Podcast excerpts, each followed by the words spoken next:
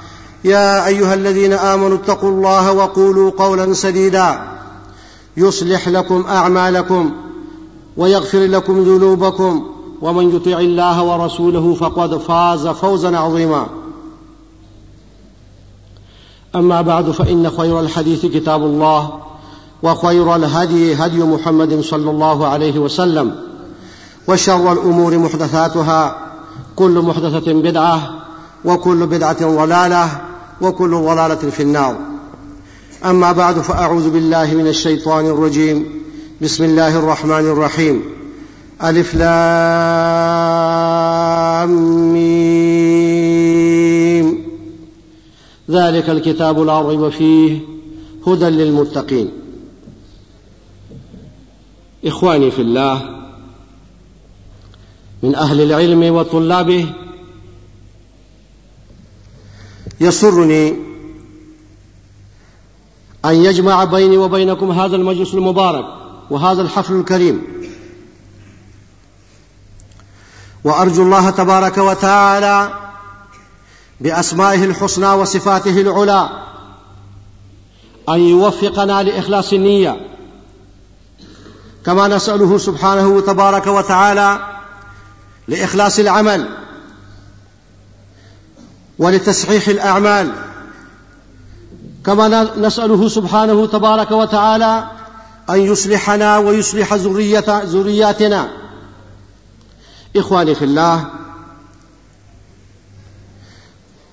يسرني جدا أن أتحدث معكم في هذا الحفل الكريم بمناسبة بدء دورة تفسير القرآن العظيم في هذا المكان المبارك بيت من بيوت الله عز وجل الموضوع الذي قدم الي واتحدث اليكم عنه هو موضوع غير غريب عليكم زما د اسلام ورونو کومه موضوع چې ما ته اوس دی وخت کې راکړې شو دا موضوع تاسو باندې ناشنا نه ده موضوع دا د قران کریم فضائل او د قران کریم ترجمه او تفسیر زده کول او په هغې عمل کول دا ځکه ناشنا نه ده چې تاسو د دې لپاره راغون شوي یئ تاسو خو مجهول مطلق طالبان خو نه یئ ستاسو په زړونو کې د دې قدر او احترام دی ستاسو په زړونو کې د دې منزلت دی د دې وجه نه تاسو ټول کارونه پریښي دي او راغلي یئ او موږ د الله رب العالمین حمد و ثنا بیانوو او د الله رب العالمین بې پناه شکرونه ادا کوو د دې وجې نه چې داسې زمانه په دې وخت په دې ملک راغلې وه څه ډېره لرې نه ده پنځو شپېته کاله قبل چې په دې ملک او د دې ملک په ګردنوا ملکونو کې د قران کریم ترجمه څه کې د یو آیت کریمه ترجمه کفر او بدینی او گمراهی ګڼل کېده د دې وجه د فقه په کتابونو کې یا د اصول کتابونو کې یا د صرف او د نحو په کتابونو کې چې جای کې د منطق او د فلسفي په کتابونو کې چرته یو آیت کریمه راغې نو مدرس او مولا او امام او خطیب به دغه ترجمه نه کوله وای کافر کیجو کوم دې ترجمه وکړه کافر کیږو هغه کتاب چې د هدایت لپاره راغلی و هغې باندې خلق کافر کېدل داسې زمانې منګه داسې زمانه کې منګه اوسېدلی یو الله رب العالمین د په هغه خلکو باندې رحم وکي او د هغه خلکو قبرونه دی الله ګل گلزار کی او هغه د هغې خلکو غلطیانې او ګناهونه دې الله معاف کړي چې چا د قرآن کریم د نشر اشاعت او د ترجمې او د دورې د خورولو دپاره او د نشر دپاره کوششونه منډې کړي دي خاصتا په دې ملک کې چې د هغوی په سر کې زموږ استاد شیخ القرآن او بیا مې ویل شیخ القرآن بعضې خلکو په دې نوم باندې اعتراض کړی دی او خاصتا کله چې زما د دکتوري د رسالې په جامعه اسلامي کې مناقشه کې ده نو یو مناقش په دې اعتراض وکړو چې دا نوم غلط دی او ما دفاع کړی او ما دا نوم صحیح دی هغه دا ویله چې د قرآن شیخ نشته ما ورته وویل ته په دې معنا باندې نه پوهې ځکه اضافت په لغت عربی کې په درې معنا باندې دی یو اضافت په معنا د تملیک دی لام لکه غلام و زیدین بل اضافت په معنا د من دی لکه خاتم و فضتین او بل اضافت په معنا د فی دی لکه ضرب الیوم نو شیخ القرآن دا معنا نه چې د قرآن استاد دی معنا شیخنا فی القرآن شیخنا فی التفسیر دا اضافت په معنا د فی دی نو بعضې خلک د یو لفظ ترجمه غلطه کوي نو بیا هغه شی رد کوي ډېر داسې خلک شته چې صحیح صحیح آیتونه یې رد کړي دي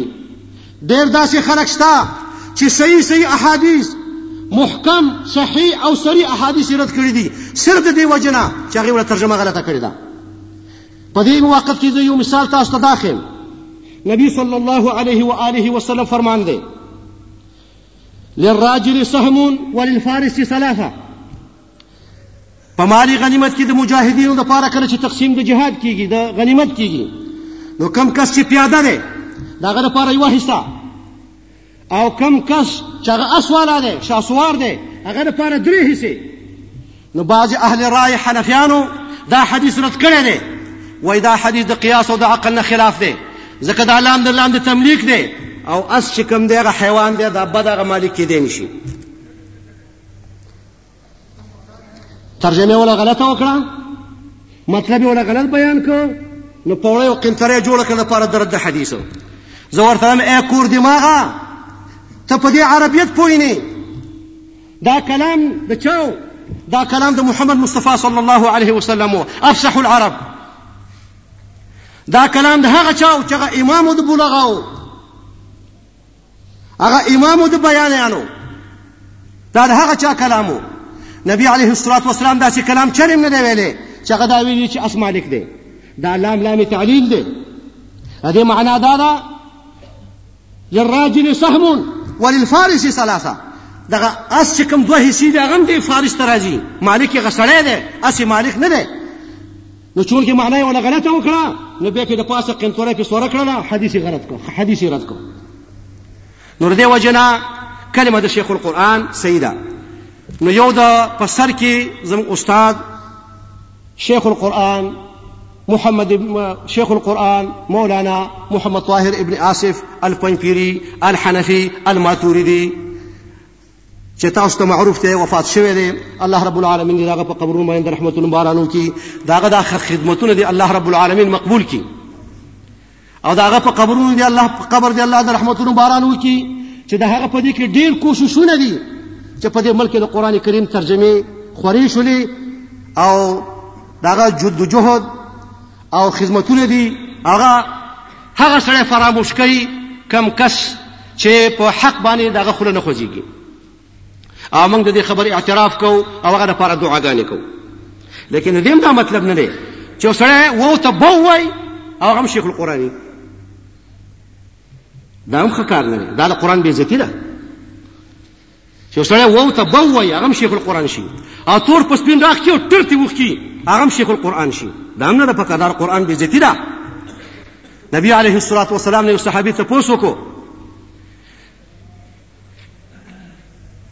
متى الساعه قیامت کله دی نبی علیه الصلاة والسلام فرمایل اذا وسد الامر الى غیر اهله کله چې نا اهل خلکو ته منصب حواله شي نا اهل خلکو ته نو بس فانتظر الساعه چې یو ملک بې نظیره صدر او وزیر اعظم وي او شیخ العمیانان او شیخ البرسانان چې کوم دی شیخ القرآنانی نو بیا فنتظر الساعه بیا د قیامت چې کوم دی انتظار کوم دغه قیامت دی نو الله رب العالمین دی هغه خلک چې چا د قران کریم په نشو اشاعت کې کوششونه کړې دي او د قران کریم ترجمه عام کړی دي درسونه قائم کړی دي الله رب العالمین دې دا غي درجه په دنیا او په آخرت کې بلند کړي او هغه خلکو باندې افسوس دی چې الله الله تعالی خو علم ورکړی دی لیکن قران کریم نه جوړ کړی دی پندوس بال چې چا سي اورانه پاغه خوشي کوي نه پکاره چې اول په ځان ور خوشي کی قران کریم دې لپاره نه راغلی قران کریم شفاء الصدور دی قران کریم نور دی قران کریم هدا ده قران کریم بیان دی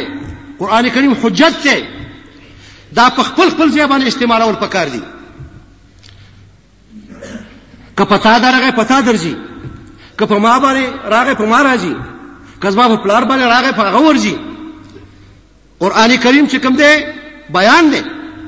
دا هدا ده نور دی حجت دی نور اسماء د قرآن کریم د قرآن کریم نه پندوس جوړول بال جوړول چې چا څنګه خوخي په اشاره استعمالي دا د قرآن کریم توقیر نه دی احترام نه دی دا د قرآن کریم بیزتی ده نو د قران کریم د پاره دا شرط دی چې وسړی اهل وي علم والای او دا غینه بعد هغه مخلص لله هغه قران کریم صحیح تفسیر کوي صحیح ترجمه کوي صحیح مطلب بیانوي نو هغه بیا په کار چې هغه ملقب شي په شیخ القرآن باندې ورونو دا کوم موضوع چې راکړې شوې ده زه خو دا اندازه لګوم چې د دې بیان ته هیڅ ضرورت نشته دی قران کریم کې بشمار آیاتونه دي په ترغیب ال القرآن هر صورت کې او تقریبا په هر مخ د قران کریم د پاڼو کې آیاتونه دي بشمار بشمار احادیث خو بشمار دي مستقل بابونه او کتابونه په احادیثو کې کتاب فضائل القرآن او بعض اهل علمو د قران کریم په فضائل کې فضائلو کې مستقل کتابونه لیکلي دي کتاب المصاحف یا نور داسې کتابونه کتاب فضائل القرآن په دې عنواناتو باندې مستقل کتابونه اهل علم لیکلي دي محدثینو او مفسرینو د دې وجه نه د خبرو ته ضرورت نشته چې بیان شي البته زه تاسو ته خپل ځان ته او تاسو ته دا وصیت کوم په کار دارا چې مونږه قران کریم زده کو او قران کریم په اخلاص سره زده کو او بیا په خپل عمل وکړو او قران کریم د خپل ځان لپاره مشعل راه کو دا ځان لپاره د هدایت سبب جوړ کو او خلکو ته بیا د دې دعوت وکړو او د دې ترجمه او تفسیرونه او د دې دورې عام کو په تمام مسلمانانو کې په خپل مزد کو خپل بچو ته مو خيو ځکه چې دغه دین د ټول دین په مبه کې دی او احادیث د نبی صلی الله علیه و آله وسلم هغه د دې لپاره شرح ده او هر کله چې د قران کریم ډیر لړ مکانه وا غټه منزله وا قدر ډیر رفیع نو تاسو ګورئ سمرا کار چې په قران کریم باندې د امت مسلمه د لاسه شوه دی دومره په هیڅ امت کې په یو کتاب باندې نه شوه او نه په دې امت کې په بل کتاب شوه دی څومره کار چې په قران کریم باندې شوی دی ما سره تقریبا لس دولس کتابونه دي صرف په دې کې چې هغه کې د هغه کتابونو نامې دي کوم چې د قران کریم په اړه کې لیکل شوی دي او زه اندازه لګوم چې کوم کتابونه چې د قران کریم په اړه کې لیکل شوی دي او څومره چې زما د د مخ نه تیر شوي دي څه مې لیدلي دي او څه مې اکثر هم نه دي لیدلي څه خو بعضې مونږ په خوب کې هم نه دي اورېدلي نو دا کروڑونو کتابونه متجاوز دي د هغې نامې لکونه نه وایم کروڑونه وایم اول تفسیرونه چې وګورئ بې شماره تفسیرونه دي دا چې مونږ کوم کوم تفسیرونه مطالعه کوو دا یې څو دانې دا خو چې دی مشتو نمونې خروار دی د قرآن کریم عام تفسیرونه بې شماره دي دغه شانه د قرآن کریم په احکام باندې چې کوم تفاسیر لیکل شوي دي دا بې شماره دي د قرآن کریم په مفرداتو باندې چې کوم کتابونه لیکل شوي دي دا بې شماره دي د قرآن کریم په غریب الکلمات باندې چې کوم کتابونه لیکل شوي دا به شمار دي په مشکل قرآن کې چې کوم کتابونه لیکل شوي دا به شمار دي غریبین کې چې کوم کتابونه لیکل شوي دا به شمار دي اعراب باندې چې کوم قران کتابونه لیکل شوی دي دا به شمار دي قراءات باندې چې کوم کتابونه لیکل شوی دي دا به شمار دي عد الآیات باندې چې کوم کتابونه لیکل شوی دي دا به شمار دي دغه شانه لهجات باندې چې کتابونه لیکل شوی دي قران کریم دا به شمار دي اصوات باندې چې کوم کتابونه لیکل شوی دي هغه به شمار دي دغه شانه د قران کریم یو لفظ کې مختلفې معناګانې وي نظائر وجوه باندې کوم کتابونه لیکل شوی دا به شمار دي ډېر پکې چاپ دی او زورګونو کتابونه چې کوم دی هغه چاپ هم نه دي موږ سره لیدلې نه دي اباج دا سری چې موږ دا غي نامې خوب کې نه دی اوریدلې دا ټول دلیل دی خبرې ورونو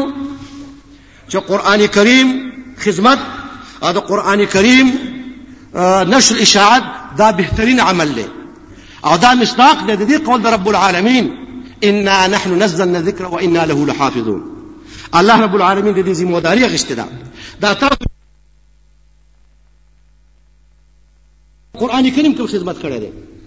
بشمار بشمار کتابونه په مختلفو عنواناتو سره عناوینو سره اهل علم لیکلي دي بشمار هغه ناسکه د قرآن کریم چې کوم تفسیرونه دي د هغې په باره کې اهل علم کتابونه لیکلي دي په هغې کې صرف د تفسیرونه نامې دي د قرآن کریم چې کوم مفسرین دي د هغې طبقات د هغوی تاریخي موالید، تاریخي وفایات، د هغوی عقاید، د هغوی کارنامې، د هغوی سیرت، د هغوی تراجم یې ذکر کړي دي، طبقات. دغه شان د قراو، دغه شان د نورو، قرآن کریم کې د ناسخ او د منسوخ، قرآن کریم کې د ربط الصور، د ربط الآیات، د قرآن کریم کې د خلاصو په باره کې دا نن سبا چې موږ دا خلاصې ملاصې زوتو دا څه نوی شی نه بله دا د چا ابتکار دی او نه دا ابتکار د چا منو دا ډېر د پخوا نه دا راغلی دی دا ډېر د پخوا نه راغلی دی او دا کوم درسونه چې د قرآن کریم دی دا اوس دا څه نوی ابتکار نه دی دا د پخوا نه راغلی دی د صحابه کرامو په زمانه کې به باقاعده د قرآن کریم درسونه د عبدالله بن عباس رضی الله تعالی عنه په درس کې به سوونه کسان ناستو مشهور شاګردان چې هغه شیوخ القرآنان دي لکه عکرمه رضی الله تعالی رحمت الله علیه یا مجاهد رحمت الله علیه مجاهد ابن جبر تاسو ته پته ده مجاهد دېرش کرتې دوره کړې ده د قرآن کریم او مجاهد فرمایي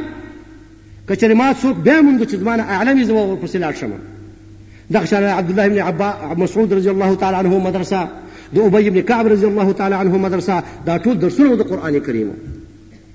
د دې وجه نه زما د اسلام ورونو د قرآن کریم خدمت، د قرآن کریم ترجمه زده کول، د قرآن کریم مطلب زده کول، مفهوم باندې ځان خبرول او بیا قرآن کریم کې چې کومه عقیده ده هغه عقیده خپلول او بیا هغه عقیده باندې چې کومه کم احکام او فروع مرتب دي هغه باندې عمل کول دغه مطلب د تفسیر د قرآن لیکن زه افسوس سره دا خبره کوم چې نن سبا د قران کریم درسونه خو ډیر زیات دي لیکن قران کریم چې کومه عقیده خلکو ته هغه عقیده نشته دی او د قران کریم چې کوم صحیح تفسیر دی هغه تفسیرونه نشته دی نن سبا زموږ په درسونو کې یا به د ماتوریدي درسونه ترجمه کیږي یا به د راضي ترجمه کیږي یا به د نصفي ترجمه کیږي یا به د جرجاني او تفتازاني ترجمه کیږي دې خلکو قران وران کړی دی د قران بیړه غرق کړی دا څوک چې د قران حافظانو څوک چې د قران وارثانو څوک چې د قران انضباطانو چا چې قران کریم موږ ترار سوالې ده پکې چې دغه خلکو تفسیر موږ زده کو دا نه چې چا د فلسفي قید سټلې او هغه قید چې کله قران کریم باندې اړو موږ نور موږ ګندګو الله المستعان د عقیدې آیات به راشي ام امنتم من فی السماء وایي دا د کافرو دپاره دی دا زه تاسو ته ناشنا خبرې نه کوم ای مسلمانانو وګورئ او اخلئ که مدارک دا پکې شته که نشته دا ګن رواخلي النسفي دا پکې شته که نشته رواخلي ابو سعود چې نوم یې کړی ارشاد العقل السلیم الى مزایا الكتاب الكریم دا ارشاد دی که دا افساد دی رواخلي بیزاوي کوم ګن دې غرولی دی دلته کې دا موږ تاسو ته دې لپاره نه وایو چې دا خلک زموږ تربوران دي یا زموږ پلار او نیکه وژلی دی دا زموږ دین دی او دا د جرحه علمي جرحه ده چې دا تفسیرونه قابل نه دي دی نه دي چې خلک په دې باندې یقین وکړي او په دې او دا خلکو درسونو کې ووایي دې تفسیرونو قرآن وران کړی دی د عقیدې آیات به راشي د پیغمبرانو عقیده وایي پکې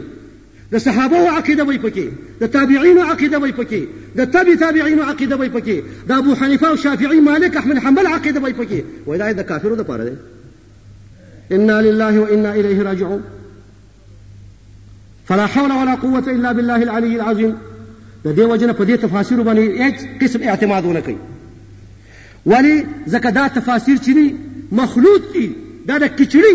مشکل دي دا مخلوط دي څه نور او هدایت پکې د سلفو نه ماخوذ دی او څه ګن او خرافات د ارسطاطالیس یا د افلاطون یا د سقراط یا د بقراط چې کم چې د کافر د یونان کافرانو د هغوی نه ماخوذ دی او دا دا دغه کفر چې راغلی دی په مسلمانانو کې نوتې نو بیا په دې تفسیرونو کې دا په واسطه د چا د فاراب یو شیطان نوم یې فارابي محمد بن ترخان چې شیخ الاسلام ورته وایي اول الکافر شیخ الاسلام رحمت الله علیه فرمایي اول الکافر د شیط د فاراب شیطانو دا هغه افکار دي په تفاسیرو کې او یو بل قرمتی باطنی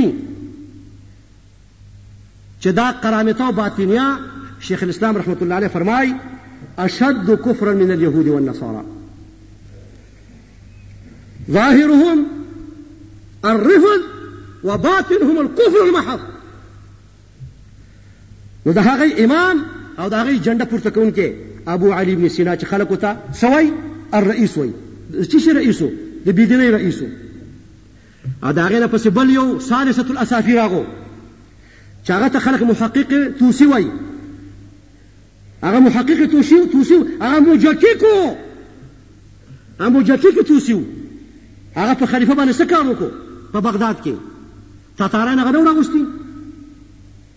د مسلمانانو هغه میراث چې کتابونه وو هغه یې په دجله کې ونه غورځولو، اهل علم یې ذبح نه کړل، بغداد یې لوټ نه کړ، مسلمانان یې قتل نه کړل، خپله سینه یې پرې یخه نه کړه، دا هغه خلک وو. د دغه خلکو چې کوم دی قی او د دغه خلکو ګندګي په دې تفاسیرو کې راغلې ده ورونه د دې وجې نه تاسو په دې منتبه شئ په دې باندې ځان خبر کړئ په دې باندې ځان هوښیار کړئ چې کوم خلک په دې ملک کې داسې معرفي شوي دي چې دا د اسلام امامان دي ورونو دا فکر خطا دی دا خلک د اسلام امامان نه وو دې خلکو بدعتونه خرافات خواره کړي دي او دا تاسو وورئ زه دا تاسو ته مبالغې نه کوم زه تاسو د مارانو یروم مبالغې نه ته نه کوم دا واقعات دي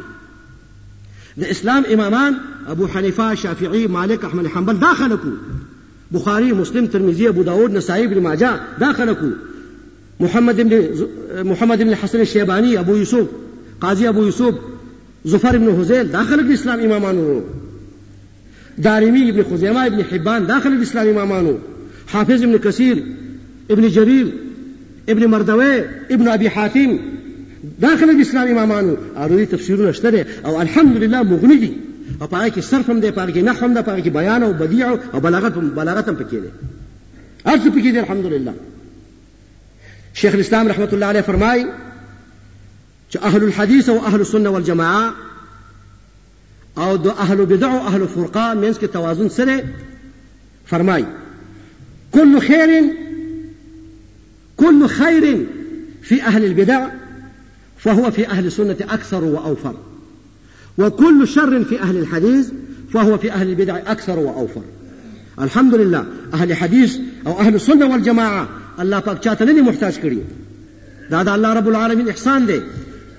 د دوی په کتابونو کې صرف هم شته نحو هم شته معانی هم شته هر څه هم شته والحمدلله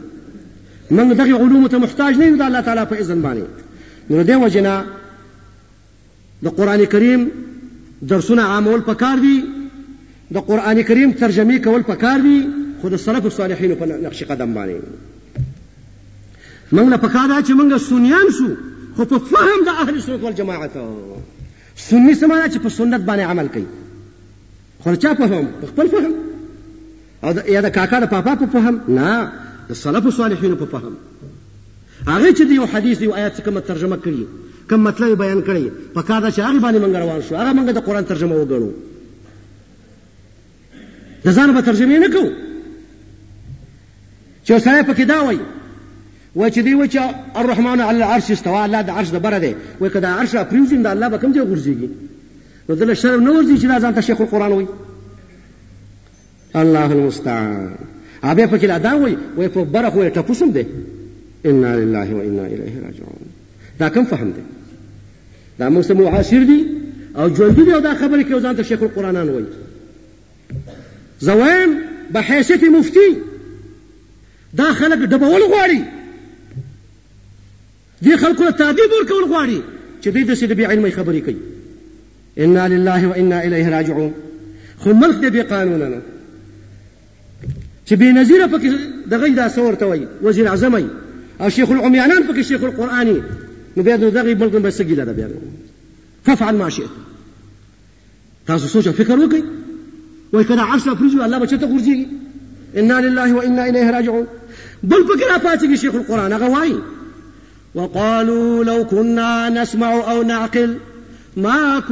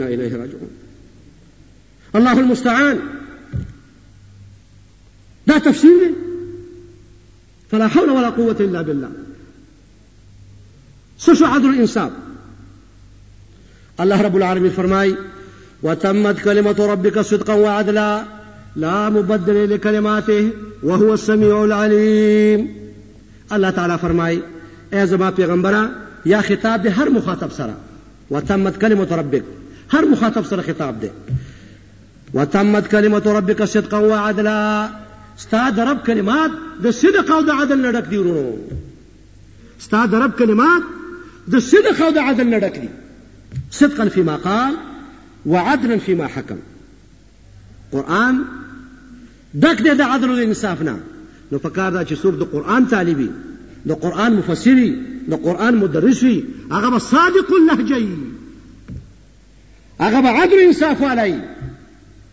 هغه به پوهی هغه به قبقلې خبرې نه کوي هغه به قرآن کریم نه ورانوي یو طرف ته وایي چې د یهودو دا صفتونه دي دا صفتونه یو پکې کتمان حق دی یهود خاص خاص صفتونه او بل تلبیس د حق د باطل سره او بل تحریف دا د یهودو خاص خاص صفتونه دي نو لکه دین غټ تحریف بلشته ددې وجې نه ورونو زه تاسو ته دا وصیت کوم چې تاسو صحیح تفسیر زده کړئ د قرآن کریم بل زه تاسو خدمت کې دا وصیت هم کوم چې دا نن سبا چې دا اهتمام او ډېر غم دی د ربطونو دا د سلف صالحینو طریقه نه وه هسې په طالبان خوشحالېږي او زما څه دا خطر دی چې دا چېرته دروغ نه چېرته ټیک ده بعضې ربطونه ډېر واضح دي لیکن بعضې ربطونه تکلفاتو نه خالي نه دي دا خو څه کافیه شرجامي خو نه ده دا خو د الله کتاب دی د نبی صلی الله علیه و آله وسلم خطبه تاسو وګورئ دا ضروري چې هغه کې دې ربطونه دي کې دا چلو دي کې دا چلو هر مسلې د بلې مسلې سره ربط دی لیکن دا کوم ربطونه چې موږ بیانو دا ربطونه ګوره منقول د سلفونه نه دي ټیک دا د نکات بعد الوقوع او په دې ربطونو باندې ډېر اهتمام کول دا سره سلفو طریقه نه ده طالبۍ په زمانه کې چې کوم دی موږ سره یو ملګری و هغه موږ دې ربطونو ډېر زیات کوشش کوو یو ځل زما مېلمه شو ما ته وایي چې تا ته پته ما یو نوی نوی ربط پیدا کړی دی چې کوم دی د صورت بني اسرائیل او صورت نحل په منځ کې ما وایه کنه یاره څه ربط دی وایي ربط دا دی چې الله رب العالمین د صورت نحل په اخر کې وایي وان عاقبتم فعاقبوا مثل ما عوقبتم به چې کله پیغمبر علیه الصلاه والسلام تبلیغ وکړو خلکو ته تکلیف ورسو ضرر یې وته ورسو او په دغه صورت کې مخکې چې کوم د ډېر مشکلات تیر شي پیغمبر علیه الصلاه والسلام ته تکلیف رسیدلی خپه شوی نو بیا الله پاک دا سورته بنی اسرائیل چې کوم دی دا ورسره ملاو کو د دې لپاره سبحان الذي اسرا بعبده زیاره تا ته ډېر تکلیف رسیدلی دی راشه لږ چکر به تر اسمانونو وخیمه نو دا ربطونه وایي دا دا سره دې لپاره نه چې دې کې چکر و الله المستعان الله المستعان نو دا دې چې کوم دې به زه ربطونه دې باندې غلو کول او په دې باندې اهتمام کول دا د قران تفسیر نه دی ټیک دا قران کریم کې اهمه مسله دا ده چې قران کریم چې کوم کوم عقاید ذکر کوي هغه عقاید ذکر کوي بیا چې کوم عقاید باندې کوم مسائل بنا کیږي هغه مسائل زده کوي چې هغه ته اهل علم احکام القرآن وایي دغه شان قرآن کریم زده کړې د پاره اهم ترین مسله صرف او نحو د غوړی غرونو او شعر عربي او نثر عربي دا زده کوي خکلک نحویان شي خکلک صرفیان شي ښه کلک شعر عربي زده کړئ، هم شعر جاهلي، هم شعر اسلامي، هم شعر خضرمي، دا ټول زده کړئ او دغه شان علم بیان، بدیع دا ټول زده کړئ، دا ټول مهم دي او صرف پکې ډیر زیات مهم دی او لغت پکې ډیر زیات مهم دی. ځکه چې کوم سړی په صرف او په نحو او په دې څیزونو کې په لغت کې کمزوری یا قرآن کریم خرابوي د دې وجه نه عمر فاروق رضی الله تعالی عنه به دا فرمایل تعلموا العربیه فانها من دینکم عربي ښه زده کوئ ځکه عربي زده کول دا دین دی ما سره یو کتاب دی د شعر هغې نوم دی کتاب الاغاني هغه کې دا ډنګ ټکو سندرو کتاب دی هغه هغه یې سندرو ته وایي یو مېلمه راغی ما ته وایي دا څومره غټ کتاب دی ما دا د قرآن تفسیر دی ولې هغې کې عربي زده کېږي په هغې کې شعر عربي زده کېږي په هغې ښه ښه شعرونه هم پکې دي ځکه چې مؤلف د هغې سل اوازونه ذکر کړي دي په عصر د بن عباس کې او غټه موسوعه ده په شعر کې په شعر عربي کې کتاب الاغاني د ابوالفرج الاصفهاني نو شعرونه هم زده کوي دا چې موږ چې مطلبي او دا کتابونه په دې مدرسو کې وایو نو د مطلبي خو خپل مطلب وکنه ما انصف القوم ضبا وباكو الامه غلبا رموا برفس ابيه وامه ترتبا دا خو خپل مطلب لكن تاسو خپل مطلب واخلئ چې عربي پکې زده کوي دا مقامات حريري صاحب د یمن عرب کې خپل مطلب خو تاسو پکې عربي زده کوي دغشنا دیوان حماسه یا چې کوم دی د نور کتابونو د عربی د شعر شعر عربي بشمار کتابونه نن سبا چاپ شوي دي دواوین د شعر هم د جاهلیت د زمانه امر القیس وغیرہ وغیرہ وغیرہ وغیرہ دغشن اسلامیان چې کوم په صحابه کرامو کې صحابه کرامو دور نه پس دور عباسی دور چې کوم دی سورته وي اموي دغه نه بعد مولدین دا ټول شاعران چې کوم دی د هغوی اکثرو کتابونه چې دی نن سبا چاپ شوي دي او بازارونو کې ملاویږي په شعر هم اهتمام وکړي د دې وجه نه د قرآن کریم په فنونو کې یو فن دی شواهد القرآن بشماره غریب کلمات کې دغه شواهد په شعر کې ملاويږي په هغه باندې مستقل کتابونه لیکل شوي دي هغه زده کوي ولې که چېرې تاسو په علمي لغت کې کمزوري یئ نو بیا کېدای شي ترجمه غلطه کوي لکه بعضې خلک دا ترجمه کوي